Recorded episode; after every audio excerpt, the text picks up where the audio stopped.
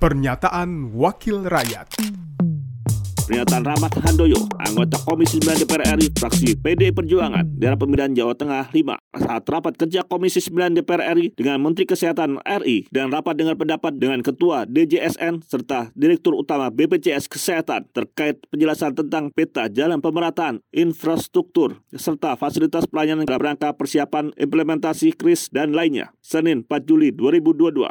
Soal masalah iuran, pasti saya pastikan itu kalau kita tidak berhati-hati akan menimbulkan gejolak di masyarakat ya terutama masalah iuran. Kelas standar.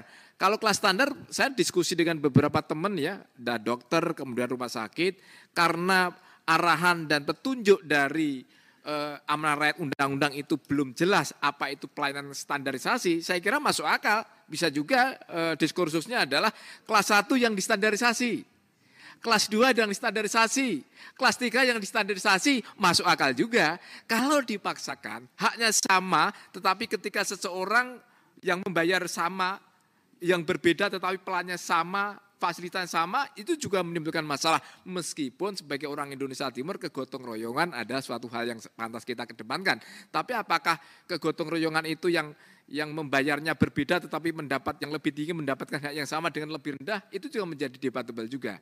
Intinya hari ini saya nggak bertanya, tetapi kita kembalikan ke masing-masing ya DJSN, ya pelaksananya dalam ini dirut meskipun implementasinya adalah melaksanakan terutama juga KDK Pak Menkes, ayo kita berembuk yang penuh kehati-hatian. Jangan sampai ketika tiba-tibanya kita DJSN dan stakeholder lainnya menyampaikan dalam bentuk perpres kemudian iurannya naik, pasti gejolak pasti gejolak. Meskipun saya apresiasi juga Pak Menkes dengan teman-teman bahwa 2023 tidak ada kenaikan. Itu sudah saya sampaikan karena arahan maupun dalam rapat kemarin terakhir tidak ada kenaikan. Intinya teman-teman yang hadir ada hari ini dan para tamu, saya appreciate yang penting adalah asas kehati-hatian. Kalau bahasa Inggrisnya itu ada juga eh, ojo ke susu. Kalau bahasa yang inteleknya itu adalah yang lebih komprehensif. Setuju? Ayo kita rumuskan lagi karena nanti akan ada perubahan rumusan terhadap perpres. Intinya standarisasi, dari berangkat dari standarisasi meskipun sudah didiskusikan ya turunannya sudah diimplementasi melalui uji coba. Ternyata kalau uji coba belum bisa mengimplementasikan, belum menggambarkan bahwa kelas 1, 2, 3 kemudian dijadiin standar.